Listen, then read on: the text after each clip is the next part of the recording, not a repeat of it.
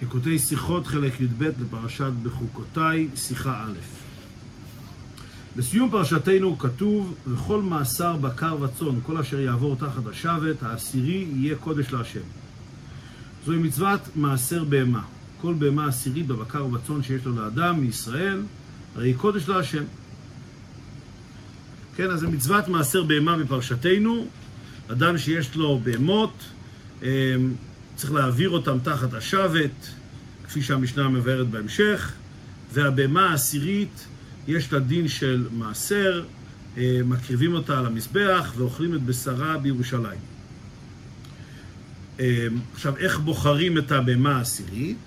אומרת המשנה, כיצד מעשרן? קונסן לדיר, ועושה להם פתח קטן וכולו, הוא מונה בשבט אחד, שניים וכולו, והיוצא עשירי סוקרו בסקרה, ואומר הרי זה מעשר. כן? אז מכנסים אותם למקום אחד, עושים להם פתח צר, שרק בימה אחת יכולה לעבור אה, בנקודת זמן אחת, וסופרים. כאשר מגיעים לבהמה העשירית, אומרים שהרי זו מעשר, ואז חלה קדושת מעשר על הבהמה העשירית. מפסוק זה למדנו עוד דין פרטי בהפרשת מעשר בהמה. ומה שנינו במשנה האחרונה של מסכת בכורות, קרא לתשיעי העשירי ולעשירי תשיעי ולאחד עשר עשירי, שלושתן מקודשים.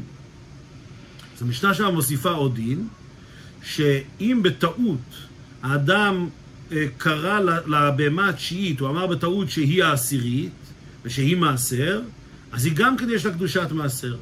או שבטעות הוא אמר על האחד עשר, על הבהמה האחד עשר, שהיא מעשר, גם כן יש בה קדושת מעשר. ומקרה שלישי, אם בטעות הוא קרא לעשירי תשיעי, באמת זה הקורבן, הבהמה העשירית, אבל בטעות הוא קרא לה תשיעי, גם אז היא מקודשת. ובגמרא שם, מנין שהיא קרא לה תשיעי עשירי ולעשירי תשיעי ולאחד עשר עשירי ששלושתם מקודשים, תלמוד לומר, וכל מאסר בקר וצאן כל אשר יעבור תחת השבת, העשירי יהיה קודש לרבות את כולם. היות והתורה אומרת, כל אשר יעבור תחת השבת, העשירי יהיה קודש, אז כל מי שנקרא עשירי, בין אם קראו לו בטעות עשירי, קראו לו תשיעי או לאחד עשר עשירי, בין אם הוא באמת העשירי וקראו לו תשיעי, כל אלה הם, יש להם דין של קדושה. רק השאלה היא מהי בדיוק, מה בדיוק הגדר של הקדושה שחלה על הבהמות האלה. אמנם, בדין קדושתו של זה האחד עשר שקראו עשירי, נחלקו רב מאיר ורב יהודה במשנה הנ"ל. מה הדין של הקורבן הזה שבטעות קראו לו עשירי, אבל בעצם הוא 11? אז יש לנו מחלוקת במשנה. ואחד עשר קרב שלמים ועושה תמורה, דברי רבי מאיר. אמר רבי יהודה, וכי יש תמורה עושה תמורה? אמרו משום רבי מאיר, אילו היה תמורה, לא היה קרב. אז רבי מאיר אומר, דינו של אותו אחד שבטעות קראו לו עשירי, שהוא באמת 11 וקראו לו בטעות עשירי, יש לו דין של אה, מעשר בהמה רגיל, מקריבים אותו ואוכלים את בשרו כמו קורבן שלמים, והוא עושה תמורה. מה הכוונה היא שהוא עושה תמורה? שאם החליפו אותו בבהמה אחרת, יש לנו דין של תמורה, שכאשר אדם לוקח קורבן ואומר שהוא ממיר את הקורבן הזה בבהמה אחרת, אז הדין הוא, והיה הוא תמורתו יהיה קודש. אז שני הבהמות חלה עליהם קדושה. אמ, זה הדין של תמורה. עכשיו, מכיוון שלדעת רב מאיר, הבהמה הזאת, שבטעות קראו לה עשירי, יש לה דין של קדושה ממש, של קורבן, לכן, אם המירו אותה בבהמה אחרת, אז הוא עושה תמורה, כלומר שהבהמה הנוספת גם כן, יש בה דין של קדושה. אבל רבי יהודה אומר, לא, זה לא ייתכן, הרי הבהמה הזאת בעצמה היא תמורה, כפי שתכף יתבהר. אם הבהמה הזאת שבטעות קראו לה עשירי היא בעצמה תמורה, אז מה פתאום היא עושה עוד תמורה? הדין הוא שתמורה לא עושה תמורה נוספת. אם לוקחים קורבן שהוא בעצמו היה תמורה של בהמה אחרת, וממירים אותה בבהמה אחרת, אז התמורה לא עושה תמורה נוספת. אז גם כאן, מכיוון שהקורבן, הבהמה האחד עשר הזאת, היא לא באמת קורבן קודש, אלא היא תמורה של העשירי, לכן הוא לא עושה תמורה נוספת.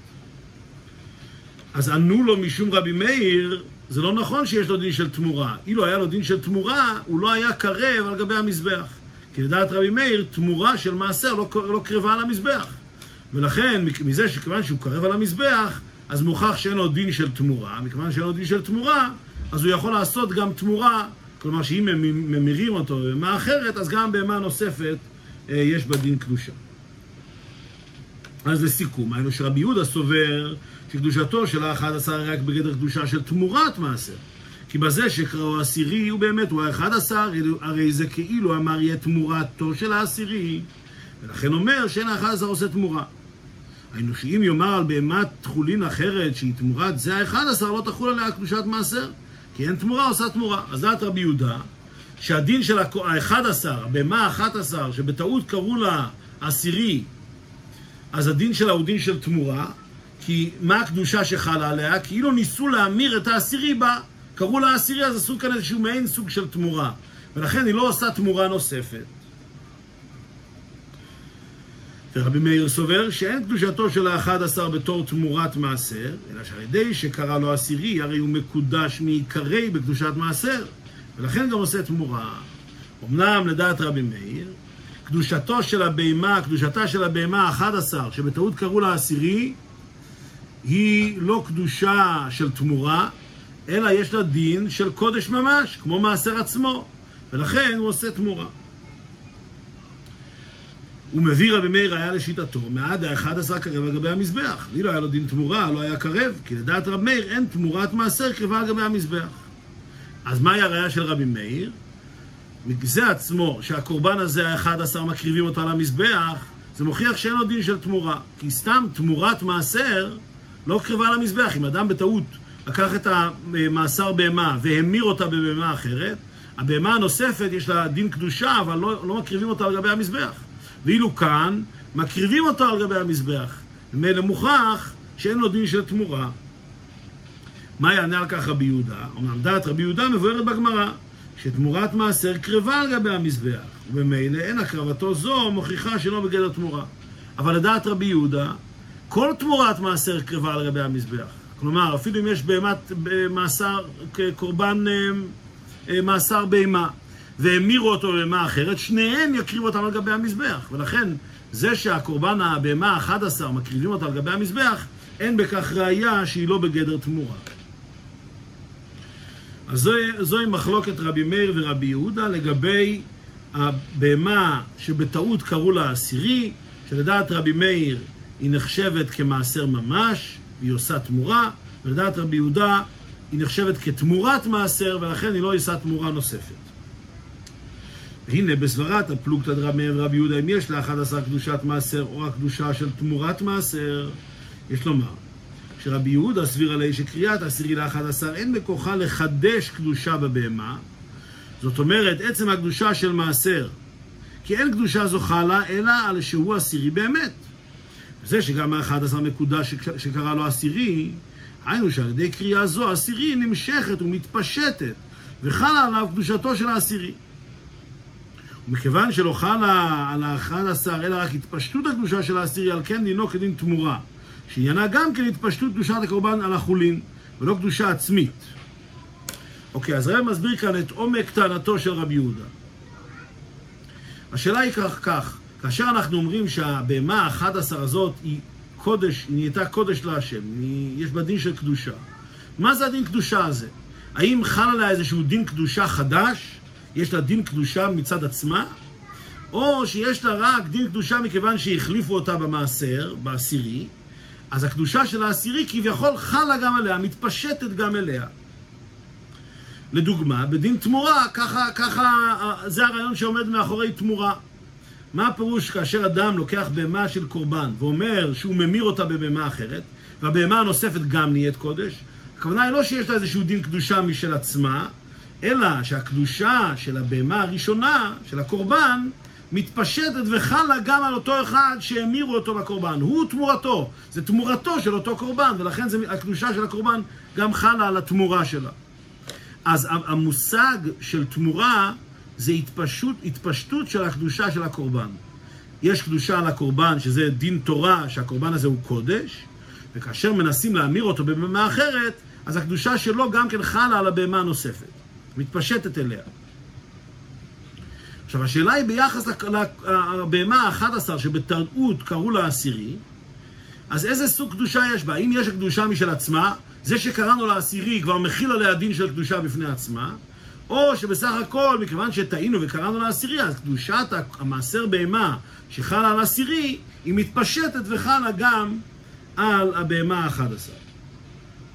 כפי שאנחנו נראה את זה גם בהמשך, נוכל להבין את זה יותר. אז מהי טענת רבי יהודה? רבי יהודה טוען שהקדושה של האחד עשר הוא רק מעין תמורה, זה רק התפשטות של הקדושה של העשירי. אין כאן קדושה חדשה. תורה לא באה ואמרה שאם קוראים לבהמה עשירי, אז הוא הופך להיות אה, קדוש בקדושה של מעשר בהמה. זה לא קדושה חדשה, זה בסך הכל ההתפשטות של העשירי. וזהו טעמו של רבי יהודה שאין אחד עשר עושה תמורה. כי מכיוון שקדושתו היא רק קדושת תמורה המתפשטת מקדושת העשירי, אינה בתוקף כל כך כבעשירי עצמו. כי רק בכוח קדושתו העצמית להתפשט בזולתו. מה שאין כן בהתפשטות, אין בכוח קדושתה להתפשט עוד ממנו והלאה. והוא הטעם שאין תמורה עושה תמורה. לפי זה מובן אה, טעמו של רבי יהודה שהקורבן האחד עשר הזה, אה, שבטעות קראו לו עשירי, שהוא לא עושה תמורה, מכיוון שהקדושה שלו עצמו היא רק התפשטות של הקורבן העשירי, אז זה לא מתפשט הלאה. כי זה, הקדושה הזאת היא קדושה כבר חלשה יותר, קדושה נמוכה יותר, הוא לא הקורבן בעצמו, זה רק התפשטות של הקורבן. ולכן אין בכוח הקדושה הזאת גם להתפשט הלאה לקורבן נוסף, לתמורה נוספת. ניתן אולי דוגמה לזה, שאומנם הרב לא מביא כאן בשיחה, אבל זה מובא במקום, בשיחות אחרות. אמ, לדוגמה ככה, יש לנו דין של תוספת שבת, שמוסיפים ניחול על הקודש. מקבלים את השבת קצת מוקדם ומאחרים אותה גם אחרי אה, הזמן הרשמי של צאת השבת. אז גם כאן התוספת שבת, הזמן הזה שמוסיפים מקדושתה של השבת לזמן שלפניה ושלאחריה, זה מעין התפשטות של קדושת השבת. ולכן, אמנם יש בזה דינים של קדושת שבת, אבל זה לא ממש כמו השבת בעצמה. גם פה יש כל מיני אופנים באיזה רמה של התפשטות אפשר אה, להגדיר את זה, אבל הרעיון עצמו הוא שקדושת השבת היא מתפשטת לפניה ולאחריה. עכשיו, ברגע שזה מתפשט לפניה ולאחריה, אז אין לזה ממש את אותו כוח של קדושת השבת עצמה. זה בעצם רק מושפע מקדושת השבת. אז גם כאן, אם נאמר שהאחד עשר הוא כמו התמורה, שזה התפשטות של קדושת הבהמה, אז מובן שזה באמת רמה נמוכה יותר של קדושה, ולכן זה לא בהכרח יכול להתפשט הלאה. זה, הסיב... זה הסברה של רבי יהודה. אמנם רבי מאיר סביר עלי, שהתורה חידשה בזה דין בגזירת מלך. קריאה זו שקרא לו עשירי בטעות, בכוחה לחדש קדושה. היינו שקדושת האחד עשר אינה התפשטות ותמורה, כי אם קדושה עצמית. רבי מאיר טוען לא. התורה חידשה. מה הפירוש? כל אשר יעבור תחת השבת, העשירי יהיה קודש להשם, שאם בטעות קראנו לבמה אחרת, במה אחת עשר קראנו לעשירי, אז הקריאה הזאת מכילה עליה דין קדושה, כאילו היא הייתה מעשר בהמה בעצמה. אז אין כאן, זה לא תמורה של העשירי, זה לא התפשטות של הקדושה של העשירי, אלא זה קדושה בפני עצמה. התורה חידשה, שלא רק אם קראנו לעשירי עשירי, יש לו דין של מעשר בהמה, אלא אף אם קראנו לאחד עשר עשירי, גם לא יש דין של מעשר בהמה.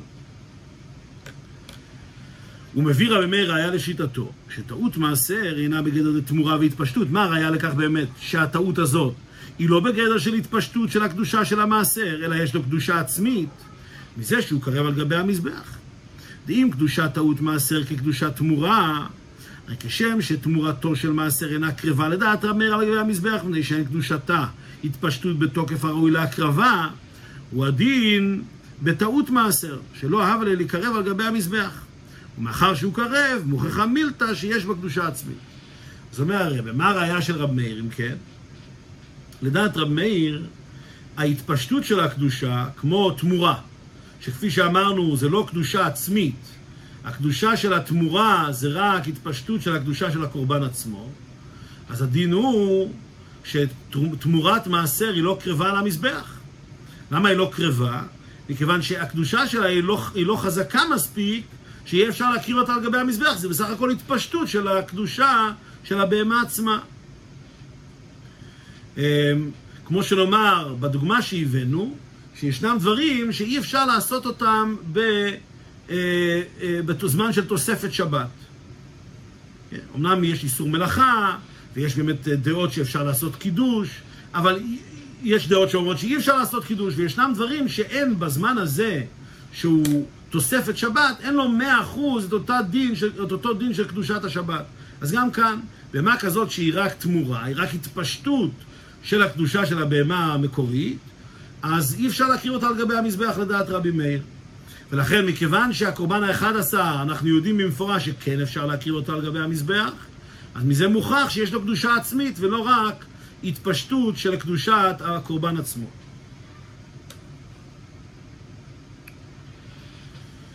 שואל הרב, וצריך להבין, מה מכריח את רבי יהודה לומר שקדושת הי"א היא רק התפשטות קדושת העשירי? הרי בפשטות נראה כוונת האלפותא מהפסוק וכל מעשר בקר וצאן וגומר, היא לומר שכל מעשר שווה זה לזה. היינו שיש לטעות, שיש לטעות מעשר, דין מעשר גמור. והרי זה דין מחודש כמו כמה וכמה דינים בקודשים. ומנהלה לרבי יהודה לחלק בין מעשר למעשר, דבכל מעשר, ולומר דאינו אלא תמורת מעשר. שואל הרב, הרי לומדים את הדין הזה מהפסוק. בפסוק נאמר, וכל מאסר בקר וצאן. אז המילה כל היא באה לרבות עוד מקרים של מאסר בהמה. אבל התורה מתייחסת אליהם בתור דבר אחד, וכל מאסר בקר וצאן, כל אשר יעבור תחת השבת, יהיה קודש להשם. כלומר, התורה כוללת את כל הסוגים האלה בחד המחתא בתור דבר אחד. ואם כן, היה צריך להיות דין הטעות אה, מעשר, אותו קורבן שהקריב אותו, שאותו בהמה, שקראו לה בטעות מעשר בהמה, היה צריך להיות דינה 100% כמעשר בהמה, כי זה נכלל באותו פסוק ביחד בתור דבר אחד. אז למה רב יהודה בוחר לומר שיש כאן דין של תמורה? הרי אם לומדים את זה מהפסוק, היה צריך ל... לומר בפשטות, שהפסוק אומר לנו שכל הדברים האלה, כל הטעויות האלה, יש להם דין של מאסר בהמה גמור. מבאר הרב, ויש לומר בהסבר הוכחת שיטת רבי יהודה.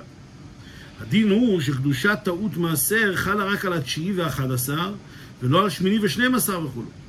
והטעם הזה מבואר בגמרא, מהו עשירי אינו מקודש אלא בסמוך, פירש רש"י שאין לך סמוך בו יותר מגופו, אף טעותו אינה מתקדשת אלא בסמוך. פירש רש"י כגון תשיעי ואחד עשר שהם סמוכים לו. אומר הרבי, יש ראייה עצומה לדעת רבי יהודה. כי יש לנו דין, שהדין, שהדין הזה שאמרנו, שאם הוא קרא בטעות לאחד עשר או לתשיעי, עשירי, אז יש בהם קדושה, זה רק בתשיעי ובאחד עשר שהם סמוכים לעשירי. אבל אם זה השמיני או השנים עשר, אז אין בהם דין של קדושה. אז התורה מחדשת את הדין הזה של דין מעשר בהמה, שהוא חל גם על הטעות, רק באלה שסמוכים ממש למעשר עצמו. עכשיו, אילו כדעת רבי מאיר, שהקדושה שלהם היא קדושה עצמית, אז למה זה חל רק על אלה שסמוכים לו? היה צריך לחול על כל אחד שאמרנו עליו בטעות שהוא מעשר. מזה שהתורה אומרת שזה חל רק על אלה שסמוכים לו, ומאיפה לומדים את זה? כשם שהעשירי הוא מקודש בסמוך, מה הפירוש בסמוך? מכיוון שאמרו עליו עשירי, אז הקדושה מיד חלה עליו, כפי שרש"י אומר, הוא כאילו סמוך לעצמו. ברגע שאומרים שזה העשירי, אז, אז זה חל עליו, זה לא חל על אחרים, זה דווקא חל על זה שעליו אמרו שהוא עשירי. אז זה הפירוש שזה בסמוך, כלומר בסמוך לאמירה, וזה שהאמירה חלה עליו. אז גם הדברים הנוספים, הקורבנות הנוספים, שזה התשיעי והאחד עשר, צריכים להיות סמוכים לאותה אמירה של הרי זה מעשר. אבל אם כן, זה דווקא חל כאשר זה סמוך לו. מכל המושג, מעצם העובדה שזה רק על התשיעי והאחד עשר, ומכך שאנחנו לומדים את זה מהסמיכות שלהם לעשירי, מזה מוכח שזו התפשטות של הקדושה של העשירי, ולכן זה רק חל אלה שסמוכים, על אלה שסמוכים לעשירי. כפי שהרב אומר כאן, הרי מוכח מזה שקדושת טעות מעשר אינו חידוש דין מיוחד. היינו שקריאת עשירי עצמה פועלת קדושה בתשיעי ובאחד עשר. ואם כן, מה ישנה שמיני ושנים עשר שלא מקודש כשקראו העשירי? אלא על כוכך שקריאת עשירי לתשיעי ולאחד עשר אין בכוחה לפעול בקדושה עצמית, אלא רק להמשיך עליו התפשטות קדושת העשירי. ובהיותה בגדר התפשטות מעשירי אינה מתקדשת אלא בסמוך, אין ביכולתה של הקדושה להתפשט אלא בהסמוך לעשירי. אז אם כן אומר רבי יהודה, מכיוון שאנחנו רואים שהדין הזה הוא חל רק על התשיעי ועל האחד עשר מכיוון שהם סמוכים לעשירי, מזה מוכח שגדר הקדושה, הקדושה שלהם זה התפשטות של הקדושה של העשירי. ולכן ההתפשטות הזאת היא חלה רק על אלה שממש סמוכים לעשירי. ושוב נשתמש באותה דוגמה, כמו תוספת שבת, שכמובן שקדושת השבת מתפשטת רק לזמן שממש לפניה ולאחריה, ולא לזמנים אחרים לגמרי, מכיוון שזו התפשטות של קדושת השבת, אז זה חל רק על הסמוכים לה. גם כאן, מכיוון שזו התפשטות של קורבן המעשר, זה חל רק על, ה, אמ, רק על הקורבנות, רק על הבהמות הסמוכים לעשירי. אז אם כן, זוהי טענתו של רבי יהודה. והנה, בביאור ראייתו של רבי מאיר מזה שקרב על גבי המזבח, יש לומר, להזיל לשיטתו במקום אחר. אז מהי באמת טענתו של רבי מאיר? איך אפשר להוכיח מזה שהקורבן העשירי, הקורבן מעשר בטעות, האחד עשר שקראו לו העשירי, שהוא קרב על גבי המזבח, מזה מוכח אה, שהוא לא התפשטות של הקדושה של העשירי בעצמו, ולכן גם הוא עושה תמורה. אז אה, בביור דברי רבי מאיר, אומר הרבה, זה יובן בהתאם למשהו נוסף שרבי מאיר אומר במקום אחר.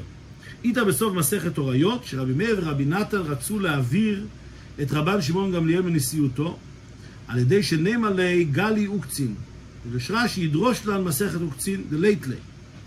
כיוון דלא גמר, נאמר לי מי ימלל גבורות השם, ישמיע כל תהילתו. למי נאה למלל גבורות, גבורות השם? כל מי שיכול להשמיע כל תהילותיו, ולא עלה בידם. אז הגמרא שם מספרת שרבי מאיר ורבי נתן רצו להעביר את רב, רבי שמעון בן גמליאל מנשיאותו, שלא יהיה נשיא. אז איך יעלה בידם לעשות כך? הם אמרו, נבקש ממנו שילמד אותנו את מסכת וקצין, שידרוש לנו מסכת וקצין. והם ידעו שר, שרבי שמעון בן גמליאל לא למד מסכת וקצין כראוי. ואז יתברר שהוא לא יכול, הוא לא יכול לדרוש בכל נושא בתורה. ואז יאמרו לו, נאמר בפסוק, מי ימלל גבורות השם, ישמיע כל תהילתו. אז בשביל שאדם יהיה בדרגה כזאת שהוא ממלל גבורות השם, שזה כנראה עניינו של הנשיא, בין השאר, הוא צריך בשביל זה להשמיע את כל תהילתו, שיהיה לו את היכולת לעסוק בכל דיני התורה. ומכיוון שיש לנו כאן מסכת או נושא שרבי שמעון גמליאל לא עוסק בו, אז הוא לא יכול להיות הנשיא. אבל זה לא הצליח להם. למה? כי באותו הלילה למד רשב"ג מסכת וקצין, ולמחר כשביקשו אותו לדרוש מסכת וקצין, מיד דרש בה וכולו. אומרת שם הגמרא שזה לא עלה בידם מכיוון שרבי שמעון גמליאל הבין שזה מה שיעשו, ולמד מסכת וקצין, ולכן הוא דרש בה. ולבסוף כנסו לרב מאיר ולרבי נתן דלא נאמרו שמטה משמיו, הסיקו לרב מאיר אחרים, ולרב נתן יש אומרים.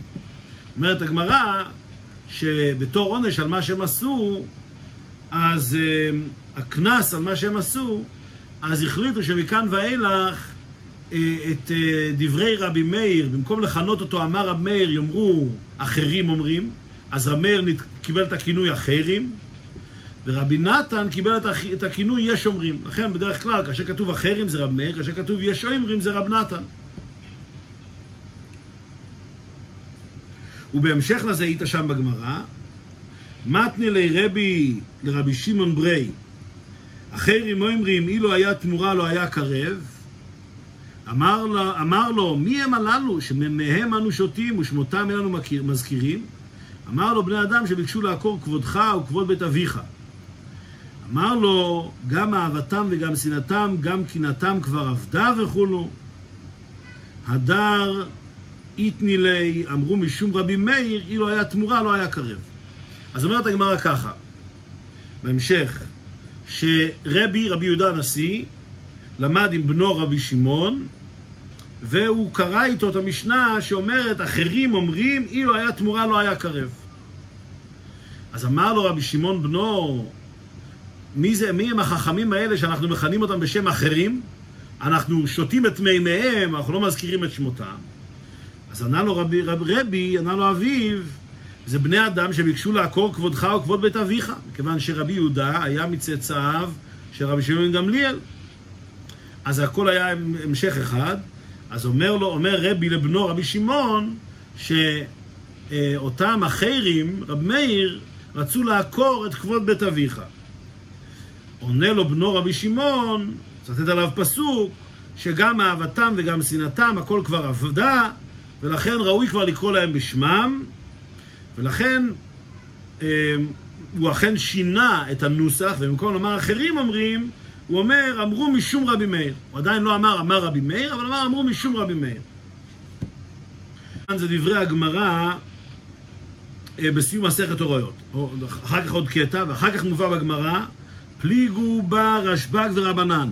אחד אמר סיני עדיף, ואחד אמר עוקר הרים עדיף וכו'. שלחו לתמן איזה מהם קודם, שלחו לו סיני עדיף, דאמר מה, הכל צריכים למרי חתיה. אומרת שם הגמרא, שרבי שמעון גמליאל וחכמים נחלקו מה עדיף, איזה, איזה, איזה גדול יותר, איזה תלמיד, אה, תלמיד חכם הוא נעלה יותר. אחד אמר סיני עדיף, סיני זה אדם שבקיא בכל ההלכות למיניהם, והשני אמר עוקר הרים עדיף, אדם שיש לו סברות חזקות, בעל סברה. אז יש אדם שיש לו בקיאות נפלאה בכל ההלכות, ויש תלמיד חכם שהוא בעיקר כוחו בסברה ובעמקות, ונחלקו מי מהם עדיף. בסופו של דבר, הם קיבלו תשובה שסיני עדיף. למה סיני עדיף? מכיוון הכל צריכים למר אחתיה, כפי שמבואר שם, שיש צורך גדול בבקיאות הזאת, שיהיה אפשר אפילו לאסוף אה, דברים קטנים, פרטים קטנים, אה, אז, וזה החשיבות של הסיני, שהיא גוברת על החשיבות של עוקר הרים, החשיבות של בעל הבקיאות, שהיא גוברת על החשיבות של בעל הסברה. אז אם כן, ב... יש כאן אה, שלושה קטעים בסוף מסכת הוריות. דבר ראשון, הסיפור עם רב, רבי נתן ורבי מאיר שרצו להעביר את רבי שמעון גמליאל. אחר כך הסיפור עם רבי ורבי שמעון בנו, שרבי קרא לו אחרים, ובסוף החזירו, שינו את הגרסה וקראו לו, אמרו משום רבי מאיר. ואחר כך הגמרא מביאה את המחלוקת בין רשב"ג לחכמים, מה עדיף, סיני או עוקר הרים. צריך להבין מהי השייכות של מחלוקת זו בין רבי שמעון גמליאל ורבונון, סיני עדיף או עוקר הרים עדיף, להשקלא וטריא, רבי שמעון גמליאל ורב מאיר ורבי נתן מהסוג לפני זה. למה, מה הקשר בין, ה, בין העניינים כאן שהגמרא אומרת בסוף מסכת הוריות? הוא מבאר על זה בספר באר שבע, מאי תלאכה עובדא דרב מאיר ורבי נתן, שעלה על דעתם להעביר רשב"ג בנשיאותו, מחמת שלא היה סיני כמותם. כתיב מי ימלל גבורות השם, כלומר למי למלל גבורות השם, מי שיכול להשמיע כל תהילותיו. ופליגי רשב"ג ורבנן, אם סיני עדיף להיות נקרא שיכול להשמיע כל תהילותיו, או כערים נקרא שיכול להשמיע כל תהילותיו, והוא קודם. אז הרב מביא שבספר באר שבע הוא מסביר מה הקשר בין הסיפור הזה שרבי נתן ורמי רצו להעביר את רבי שמעון גמליאל מנשיאותו לבין המחלוקת שמובאת בהמשך לכך בגמרא האם סיני עדיף או עוקר הרים עדיף? אז הסברה היא שזה בדיוק אותו עניין. זה בעצם היה המחלוקת בין רב מאיר ורב נתן לרב שמעון גמליאל. למה הם רצו להעביר אותו? מכיוון שהם היו עוקרי ערים, הם היו בעיקר כוחם בסברה ורבי שמעון גמליאל עיקר כוחו היה בבקיאות, סליחה, להפך. רבי מאיר ורבי נתן עיקר כוחם היה בבקיאות, ורבי רבי שמעון גמליאל עיקר כוחו היה בסברה, ולכן הם רצו להכשיל אותו. הם באו ואמרו שנוכיח שהוא לא בקיא מספיק, בכך שנבקש ממנו ללמוד, ללמד מסכת וקצין, והוא לא יוכל ללמד אותנו מסכת וקצין. ככה ייווכח לעין כל שחסר לו בבקיאות, מכיוון שאנו סוברים שהמעלה היותר חשובה זה עניין הבקיאות, והוא, רבי שמעון גמליאל, אין לו את הבקיאות הזאת, אז כך נעביר אותו מנשיאותו. אמנם רבי שמעון גמליאל הוא בעצמו סובר שהפוך, שהמעלה הזאת של עוקר הרים, שזה המעלה שלו, המעלה של, של סברה ועומק, היא מעלה חשובה יותר. ובזה בעצם הם נחלקו. ולכן בהמשך לסיפור הזה שרצו להעביר אותו בנשיאותו, הגמרא מביאה את אותה מחלוקת בין רשב"ג לבין חכמים. כן, כפי שהרבא מפרט כעת, היינו שרב מאיר ורבי נתן היו במעלת התואר סיני, כי היו בקיאים גם מסכת וקצין, ורשב"ג היה עוקר הרים, אבל יסוד חילוק זה היה המשא ומתן ביניהם. ולכן מובאת בהמשך לזה המחלוקת בין רשב"ג ורבנן, שהם לפי הבאר שבע, רב מאיר ורב נתן, מי עדיף, סיני או עוקר הרים. אם כן, מובן כעת הקשר בין העניינים. קודם מביאים את הסיפור שרצו להעביר אותו, מנשיאותו, וההסבר לכך הוא שזה בגוף המחלוקת. מה עיקר המעלה, האם סיני, האם בקיאות או עוקר הרים? אז רבי מאיר ורבי נתן סברו שעיקר המעלה זה הבקיאות של סיני, ולכן רצו להעביר אותו, ורשב"ג סבר שעיקר המעלה זה עוקר. אבל לפי זה קשה מהא דאיתא בסנהדרין כל הרואה רב מאיר בבית המדרש כאילו עוקר הרי הרים וטוחנן זה בזה. הרי אדרמה, מפורש שרב מאיר היה עוקר הרי הרים. אז הרב עכשיו הביא כמה ראיות שרבי מאיר עיקר כוחו, זה לא היה דווקא הבקיאות, עיקר כוחו דווקא היה הסברה, כוחו בסברה ובעמקות. כפי שהגמרא אומרת, שמי שראה את רב מאיר בית המדרש, הוא היה עוקר הרי הרים וטוחנם זה בזה. גם אמרו רז"ל בעירובין, גלוי וידע לפני מי שאמר והיה העולם שאין בדורו של רב מאיר כמותו. ומפני מה לא קבעו הלכה כמותו, שלא יכלו חבריו לעמוד על סוף דעתו. עוד ראיה שהיה לו עומק נפלא וסברות נפלאות. בעצם הוא היה גדול מכל החברים שלו, אין בדורו כמותו. למה ההלכה היא לא כמוהו? מכיוון שלא יכלו להבין את עומק דעתו. ועוד שם, תלמיד היה לו רבי מאיר וסומכוס שמו, שהיה אומר על כל דבר ודבר של טומאה מ"ח טעמי טומאה, ועל כל דבר ודבר של טהרה מ"ח טעמי טהרה. אפילו תלמידיו של רבי מאיר. אז כתוב שמה היה כוחם? סומכוס היה אומר 48 טעמים על עניינים של טהרה, כאשר דבר דינו טהור, אז היה מביא 48 טעם, טעמים לטהר, ודבר של טומאה, 48 טעמים לטמא, אז עיקר המעלה זה הטעמים והסברות. הרי שאפילו תלמידו של רבי מאיר היה עוקר הרים. ומצינו גם בסוטה, מעיקר רעת רמי לקמי דרבי עקיבא, כיוון דלא מעצי קמא אליבי, עתה לקמי דרבי יהודה וגמר גמרא. פירש רש"י המשניות סתומות כמו שהן חולו. הדר עתה לקמי דרבי עקיבא סבר סברה. פירש רש"י לעמוד על עיקר טעמי המשנה להבין דבר מתוך דבר.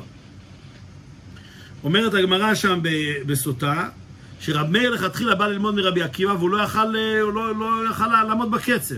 אז הוא הלך ללמוד אצל רבי יהודה את כל, את כל ההלכות של המשניות. כן? פשוט לדעת את המשניות כמו שהן. אחרי שהוא ידע את הדינים כמו שהם, חזר לרבי עקיבא ללמוד את טעמי ההלכות ולהבין אותם לעומקם, להבין דבר מתוך דבר. הרי שאף בהיותו עדיין תלמידו של רבי עקיבא, כבר עמד רב מאיר על עיקר טעמי המשניות וכולו. היינו עניין של חריפות ועוקר הרים. אז הגמרא מספרת את זה, היא באה לומר לנו שאפילו רבי מאיר בתור תלמיד, או לפני שהוא היה בעצמו רבם של תלמידים אחרים, בתור תלמיד הוא כבר היה עוסק אצל רבו רבי עקיבא בהבנת טעמי ההלכות, שזה אומר שעיקר עניינו היה עוקר הרים. על פי זה צריך ביור, מהי השייכות והסמיכות דהפלוגתא עם סיני עדיף ועוקר הרים לעובדה הנ"ל שלפניה.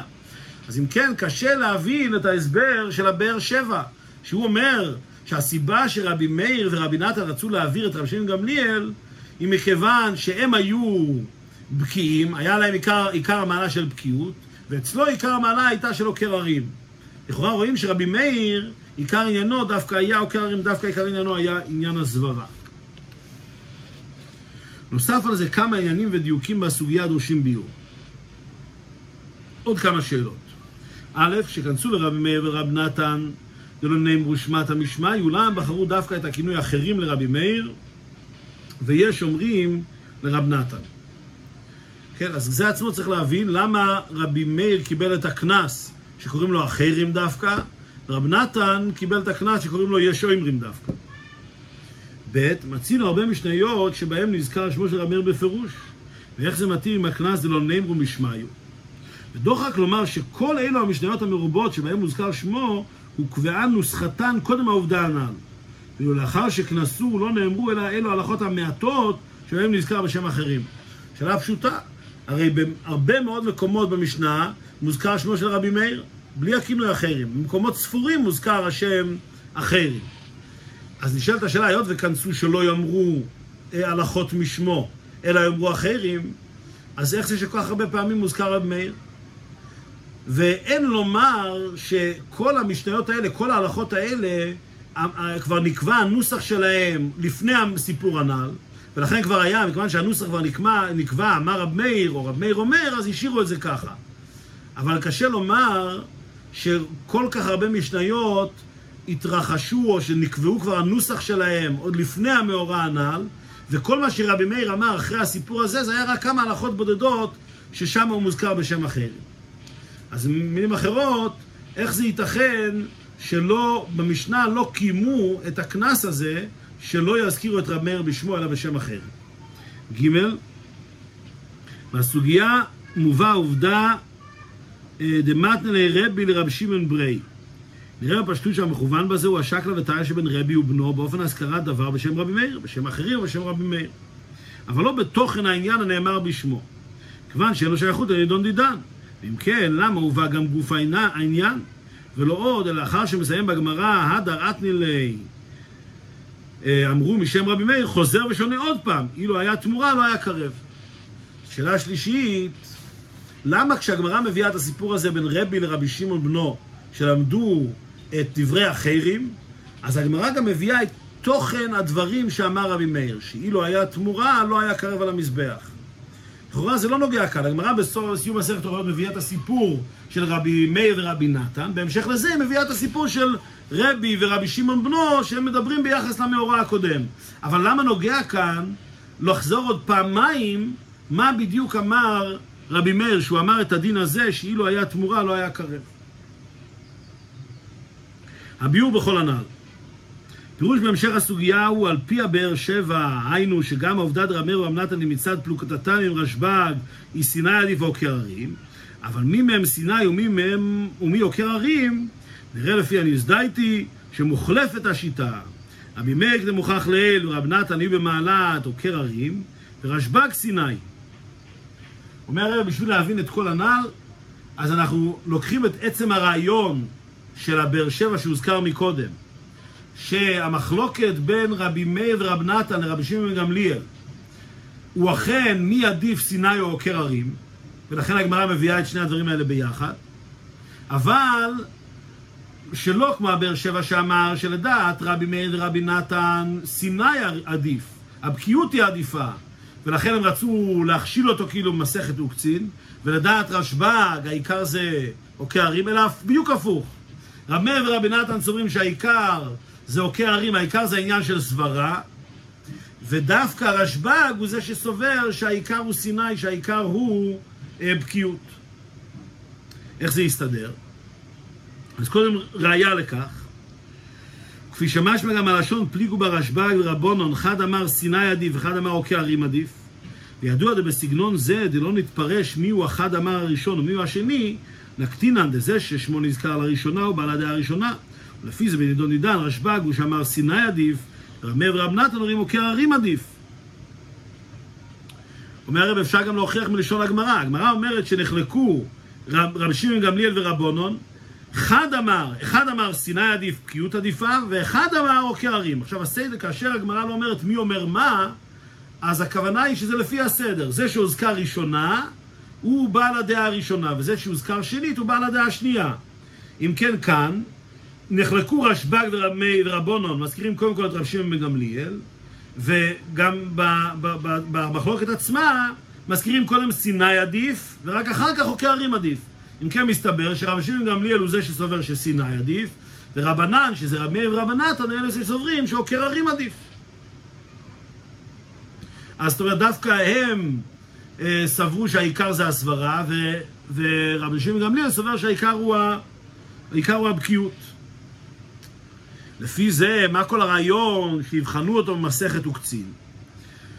אומר הרבה, ואף שרשב"ג לא גמר מסכת וקצין, אין הפירושו למדע כלל. ואם כן, איך למד כל ענייני וקצין בלילה אחד? ובפרט שלא משהו מהסוגיה שלמד מפי חכם בקיא בדיני וקצין. זה גם הדבר שאינו לפי כבודו של הנשיא, אשר מישהו יצטרך ללמדו עניין מתחילתו. אבל הפירוש הוא שלא גמר וקצין בדקדוק ועמקי טעמי המשניות שבמסכת זו. אומר הרבה, כאשר הם רצו לבחון אותו, שהוא ידרוש להם מסכת וקצין, לא הייתה הכוונה שהוא לא למד את זה בכלל. ודאי שהוא למד מסכת וקצין. והראיה, שאחר כך הוא למד את זה בלילה אחד. אילו הוא היה צריך ללמוד את זה מההתחלה, זה בלתי אפשרי לעשות את זה בלילה אחד. אפילו ליהודי כמו רבי שמעון גמליאל. וגם להביא מישהו אחר שילמד אותו, זה גם, זה לא מכבודו, שמישהו, מכבודו של הנשיא, שמישהו יבוא ללמד אותו את ההלכות מתחילתם. אז פשוט שהוא כבר למד מסכת וקצין, רק מה, הוא לא ידע את זה בעומק הסברות, עומק הסברות של מסכת עוקצין לא היה בידו. ולכן, מכיוון שהם האמינו שעוקר הרים עדיף, עיקר כוחו של רבי מאיר היה שהוא היה עוקר הרים. ולכן הוא, הוא חשב שהעיקר זה הסברה. ומכיוון שרב שמעון גמליאל לא היה לו את עומק הסברות של מסכת וקצין, אז אמרו, ככה נוכיח שחסר לו בעניין הסברה, ועל ידי זה נעביר אותו מנשיאותו. ובזה יומתק מה שבחרו בו וקצין דווקא. כי בברכות על רב יהודה, כולי תנויים בנזיקינא וכו'. חייב ומטי רבי יהודה באוקצין, כולו אמר, הוויות דרב ושמואל כחזינא אחא. פירש רש"י, כלומר, טעם משניות הללו קשה עליי וכולו. אחרי שרצו רב מאיר ורבי נתן להראות חריפותם בעמקי טעמי המשניות וכולו, שאלו את רשב"ג באוקצין. אז זה יכול, יומתק יותר כאשר רואים שהגמרא אומרת שדווקא מסכת אוקצין ישנם סברות עמוקות ביותר. לכן רב יהודה, שבעיקר עסק בדיני נזיקין, אז המסכתות האלה, אמ, כנראה הוא לא, לא, הוא לא ראה בהם את אותו עומק שיש במסכת נזיקין, ורק כאשר הוא הגיע לאוקצין, הוא אמר, פה אני רואה אה, טעמים עמוקים ביותר. ולכן רואים מכאן שבמסכת אוקצין במיוחד יש שם סברות עמוקות. אז מסתבר שכאשר אמרו שהוא ידרוש מסכת אוקצין, רצו שהוא, שהוא לא יוכל להוכיח את כוחו בעומק הסברות של מסכת אוקצין. ועל פי זה יובן, זה דעסיקו לרבי מאיר אחרים, וגם סברת רבי מאיר בדין אילו היה תמורה לא היה קרב, וכן הטעם למה הובא הלכה זו כאן, כי בזה מתבאר עניינו ושיטתו של רבי מאיר וכדלקמן. עכשיו שהבנו את הרעיון הזה, אני אוכל להבין את השאלות שהוזכרו מקודם, למה דווקא קראנו לו רבי, קראנו לרב מאיר אחרים, ומה באמת הסברה שלו במחלוקת עם רבי יהודה, שאילו היה תמורה לא היה קרב, ולמה דווקא לומדים את זה גם כאן בסיום מסכת הוריות, כל זה יתבהר בהתאם למה שהבנו כעת, שעיקר עניינו של רב מאיר זה דווקא עניין הסברה, עניין העוקר הרים, ורשב"ג הוא זה שבוחר דווקא בעניין הבקיאות. מבאר הרבה, והנה, קלות המחלוקת אם סיני עדיף או עוקר הרים עדיף, יש לומר שיסודה בחקירה הידועה היא הכמות מכריעה את האיכות או להפך. היינו, כשדבר אחד גדול בכמות ומועט באיכות, ולעומתו דבר שהוא רב האיכות ומעט הכמות, איזה מהם חשוב יותר.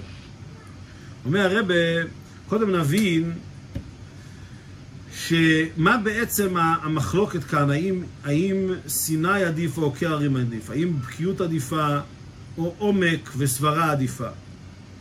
שזה בעצם תלוי במחלוקת כללית עוד יותר, והיא מה מכריע, הכמות או האיכות. שזה דבר שקשור להלכות רבות בתורה. האם הכמות הגדולה של דבר, ככל שהכמות יותר גדולה, זה דבר יותר משמעותי מהאיכות שלו, או שהאיכות יותר משמעותית מהכמות. רואים את זה בהרבה מאוד דברים.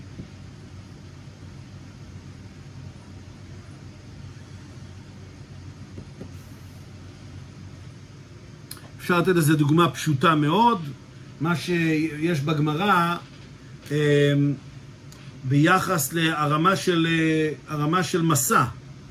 אז הגמרא שמה דנה האם יש מהו דבר יותר קשה או מהו דבר יותר חשוב כאשר אדם נושא מסע כבד בדרך קצרה, או כאשר אדם נושא מסע קל יותר, אבל הוא הולך דרך הרבה יותר ארוכה. אז המסע הכבד זה יותר האיכות של ההליכה, והמסע הקל, אה, ההליכה, וההליכה הרבה זה כמובן הכמות של ההליכה. רואים את זה בהרבה מאוד דינים שונים, האם הכמות מכריעה את האיכות או האיכות מכריעה את הכמות. על דרך זה יש לומר בנידון דידן, סיני ששנה משנה וברייתא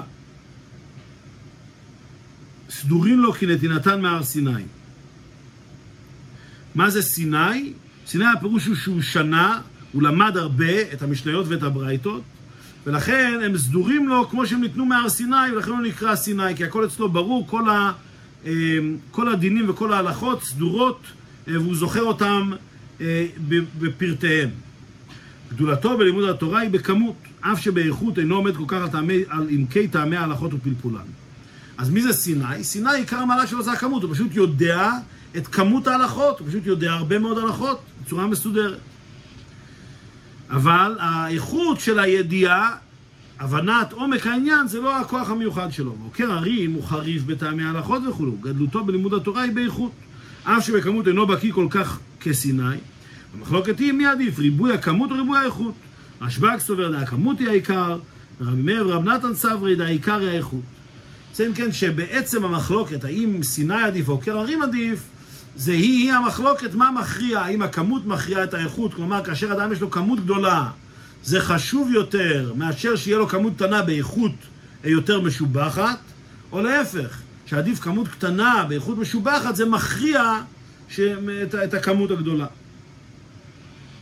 לפי זה מובן למה הסיכו לרמר אחרים, כלומר שהוא סוג אחר לגמרי, איכות אחרת. ולכן גם בעת שבאו לקונסו דלונאים רושמת המשמי, בכל זאת רצו לקרותו בכינוי כזה, שבו תתבטא גם מעלתו, עוקר הרים. לכן קראו אותו אחרים. מה שכן הכינוי יש אומרים, דהינו מדגיש שהוא מסוג אחר, אלא שיש לו שיטה אחרת. אומר הרב כאן דבר נפלא. לפי זה נבין למה אנחנו מתייחסים לרמר דווקא כינו אותו בשם אחרים. כי אמנם כנסו אותו, אבל כל הקנס הזה, הכל היה קשור בכך ששיטתו של רבי מאיר היא שהאיכות מכריעה את הכמות. שהוא, היה לו עומק עצום. וכפי שהרבי הזכיר מקודם, מה שהגמרא אומרת, שלא ירדו חבריו לסוף דעתו. ולכן כאשר אדם הוא כל כך עמוק, שקשה לרדת לסוף דעתו, אז מה קוראים לו? אחרים, הוא סוג אחר, הוא ברמה אחרת, יש לו עומק אחר. אז אפילו כשכונסים אותו אמנם, שלא מזכירים את שמו, אבל עדיין מדגישים את המעלה שלו, שהוא אחר, הוא בסגנון אחר, הוא בעומק אחר, ואנחנו לא יודעים לסוף דעתו. זה היה עיקר עניינו של רבי מאיר, ולכן קוראים לו אחרים. רב נתן לעומת זו, אומנם הוא גם סבר כרב מאיר שהעיקר זה האיכות, ועוקר הרים חשוב יותר מסיני, אבל כנראה שאצל רב נתן לא היה את אותו עומק שהיה אצל רבי מאיר. ואף שגם רב נתן היה עוקר הרים, בכל כמובן שכמה דרגות בזה, ורבי מאיר היה עוקר הרים יותר. כדיוק הלשון שרב מאיר עוקר הרי הרים ענן זה בזה. ולכן כינון רב מאיר בשם המורה יותר על גודל חריפותו סוג מיוחד. כעת מובן כפי שהגמרא אומרת שרבי מאיר לא סתם היה עוקר הרים, אלא עוקר הרי הרים. מה הכוונה בהרי הרים?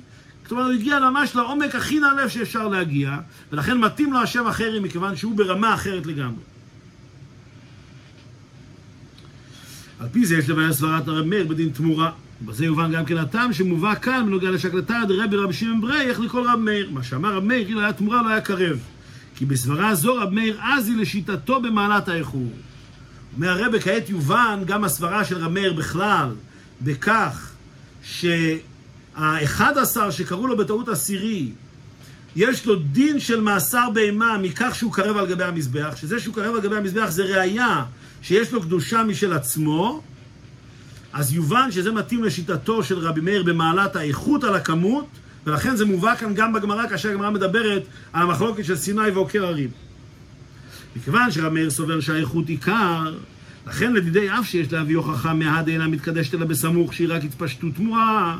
מכל מקום עדיפה יותר הראייה שיש לו קדושה עצמית מעד לקרב על גבי המזבח.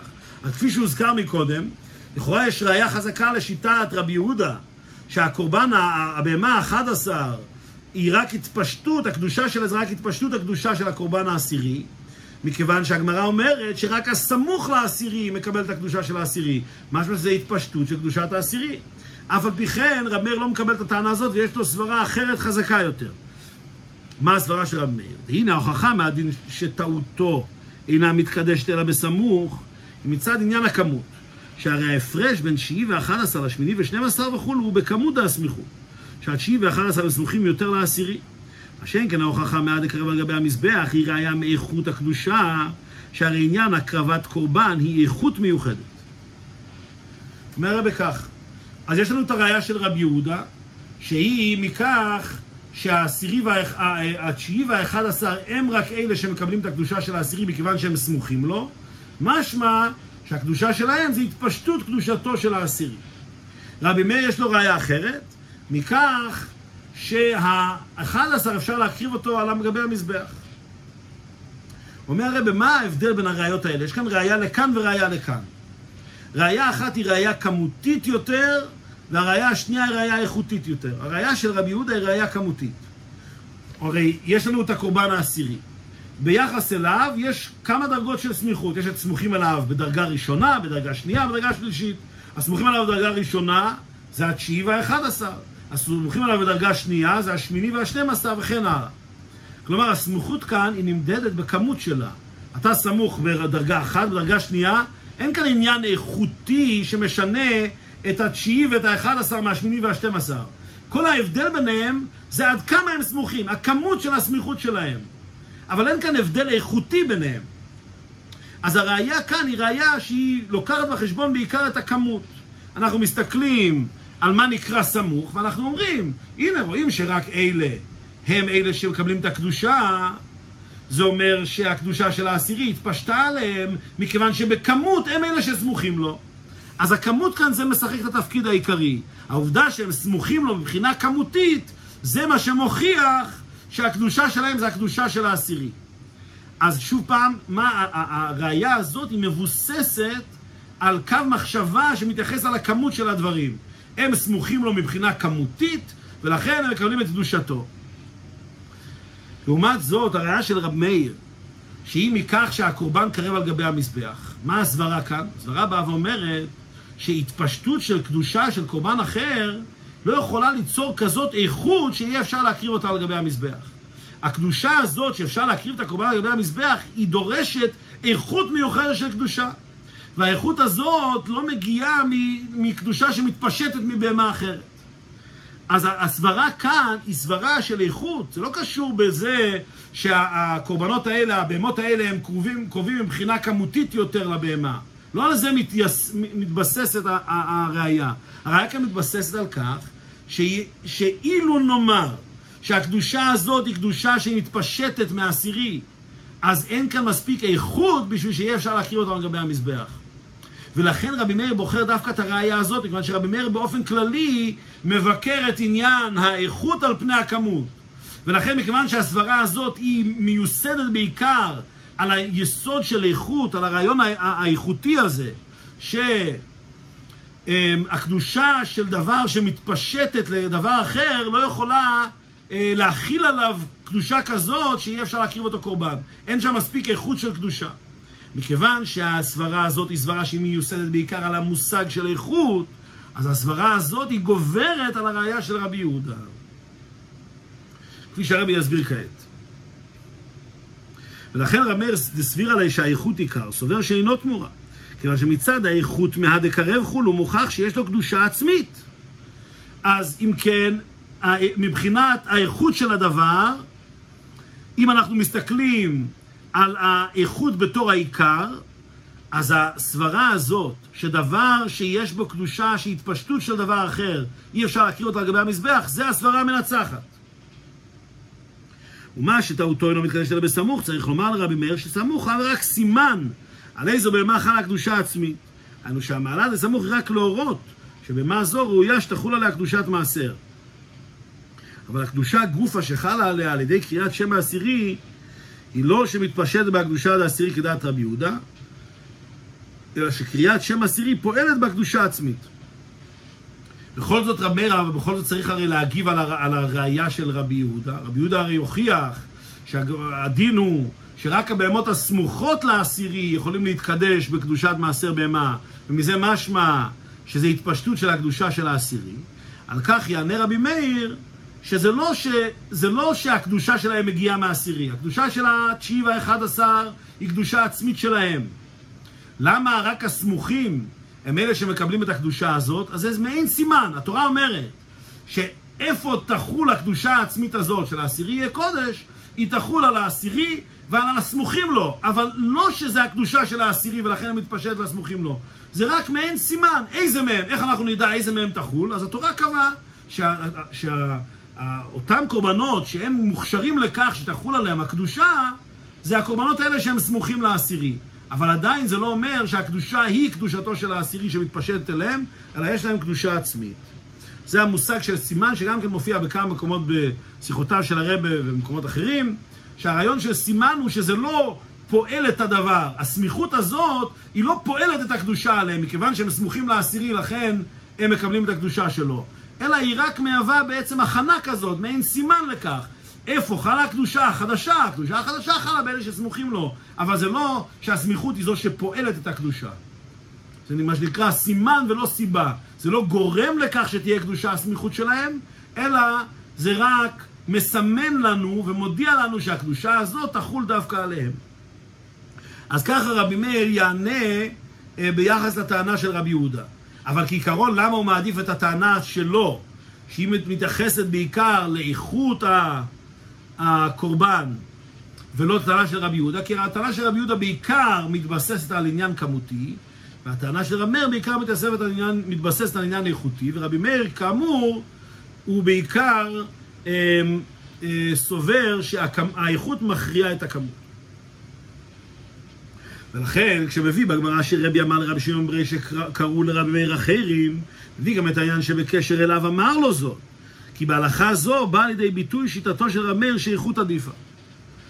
כעת מובן, למה כשרבי יהודה למד עם בנו אה, את הסיפור הזה של, אה, של רב מאיר, ואת העובדה שכנסו אותו וקראו לו אחרים, הוא גם אמר את הסברה של רב מאיר, את הדין שרב מאיר אמר, שהקורבן האחד עשר אין לו דין של תמורה מכיוון שהוא קרב על גבי המזבח, מכיוון שבדין הזה מתבטאת שיטתו העקרונית של רב מאיר, והיא שהאיכות מכריעה את הכמות. והרי זהו הטעם עמד העסיקו לרב מאיר אחרים כנ"ל.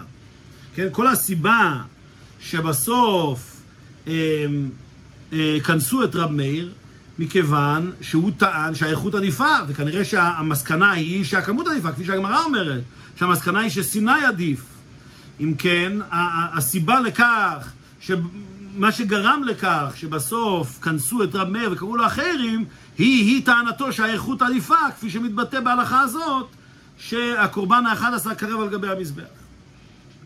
ולכן גם לאחר שאמר רבי שאינו מזכיר שמו של רב מאיר מטעם שהוא מן בני אדם שביקשו לעקור כבודך או כבוד בית אביך, ורב שמעון ענה לו שאף על פי כן יש להזכיר את שמו, כופל עוד הפעם העניין דאילו היה תמורה לא היה קרב, בא לרמז, כי אף על פי שבהסברה אשר בהלכה זו דאילו היה חולו, דאיכות עיקר חולו, אפשר לעקור כבודך וכבוד בית אביך, בכל זאת מזכיר שם בעל המימרה משום טעמו של רב שמעון.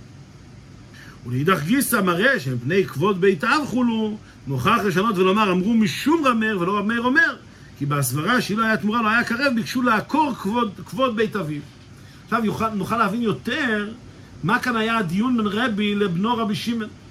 רבי אומר לו שכנסו את רב מאיר, קוראים לו אחרים, מכיוון שהוא ביקש לעקור את כבודו וכבוד בית אביו. מה זאת אומרת הוא ביקש לעקור? כבוד בית אביו היה עיקר המעלה שלו, שהוא היה סיני. עיקר המעלה של הכמות ביחס לאיכות. אז כבודו של בית אביו, של רבי ורב שמעון, זה עניין האיכות, הכמות. זה היה הכוח המיוחד שלהם. הם ביקשו לעקור את הכבוד הזה, מכיוון שהם טענו שהעיקר זה האיכות, ולכן קוראים לו אחרים. עכשיו, גם כאשר מסכימים כבר לוותר, ואומר רבי לרב שמעון אוקיי, אז נקרא לו כבר בשמו, מכיוון שכפי שאמרת, כבר נשתכח העניין הזה, הכעס הזה שהיה בין רב מאיר לבין רב שמעון גמליאל, עדיין אנחנו מזכירים את ההלכה שרב מאיר אמר, כי בזה מתבטא כאן כל המחלוקת וכל הדיון מה עדיף. ולכן גם נשאר עדיין איזשהו שמץ מהטענה הזאת. מוסיף כאן בעצם עוד נקודה, שעדיין לא קוראים לו, אמר, לא אומרים אמר רב מאיר או רב מאיר אומר, אלא אומרים אמרו בשם רב מאיר. למה? מכיוון שהדין הזה הוא עדיין מבטא את מעלת האיכות על הכמות, שזה בא לעקור את כבודו וכבוד בית אביו של רבי ורבי שמעון בנו, ולכן מכיוון שאנחנו עדיין השארנו כאן איזשהו שמץ מהקנס הזה, ולכן אנחנו גם מזכירים את הסברה הזאת. שוב פעם, הסברה כאן היא עניין האיכות שגובר על הכמות, ולכן אנחנו עדיין, כשמזכירים את רב מאיר, אנחנו אומרים, אמרו משם רב מאיר ולא רב מאיר אמר. על פי זה ניחא בפשטות, מה שבמקומות רבים במשנה נאמר דברי רב מאיר, אף דעסיקו לרב מאיר אחרים. כי רק באותן משניות בהם דברי רב מאיר תלויים בשיטתו הכללית, לאיכות עדיפה, ונאמרו לאחר עובדה הנעל, נאמר אחרים או אמרים, מה שאין כבשאר המשניות מזכירים את רב מאיר בשמו. מהרבה כעת נבין למה בכל כך הרבה משניות אומרים, מזכירים את שמו של רב מאיר ולא אומרים אחרים או אמרים. והסיבה לכך היא מכיוון שמתי אנחנו מזכירים את העניין הזה של אחרים אומרים? רק כאשר זה מגיע יחד עם הסיבה שגרמה לכל הנ"ל. כאשר יש מחלוקת בין הכמות לבין האיכות, יש מחלוקת שבבסיסה היא המחלוקת האם האיכות גוברת או הכמות הגוברת, ושם רב מאיר אומר שהאיכות גוברת, ומזכירים שם את שיטתו של רב מאיר, אז קוראים לו אחרים. כי השיטה הזאת, שהכמות, שהאיכות מכריעה את הכמות, זה השיטה שבגללה הוא רצה לעקור את כבודו של רב שמעון גמליאל וכולי וכולי, ולכן כנסו אותו. אז כנסו אותו לא רק באופן אישי, אלא כנסו את השיטה הזאת בעצם, שאומרת שהאיכות מכריעה את הכמות. ולכן מתי מזכירים את המושג החיירים? רק כאשר רב מאיר מביא שיטה כזאת, שהאיכות מכריעה את הכמות, ואז אה, קוראים לו בשם החיירים. וזה כמובן שם החיירים, שגם זה עצמו מבטא את העובדה שרבי מאיר עוסק בענייני איכות, והאיכות שלו היא איכות נעלית ביותר, ולכן הוא נקרא החיירים, כי הוא כאילו ברמה אחרת, באיכות אחרת, שלא יורדים לסוף דעתו. וכפי שהיום מביא כאן אה, בהערה את כל המקומות בש"ס שנוזכר רב מאיר בשם החיירים, ויש מקום לומר שבכל המקומות האלה, אכן רבי, רבי מאיר אה, טוען את טענתו שהאיכות היא מכריעה את הכמות.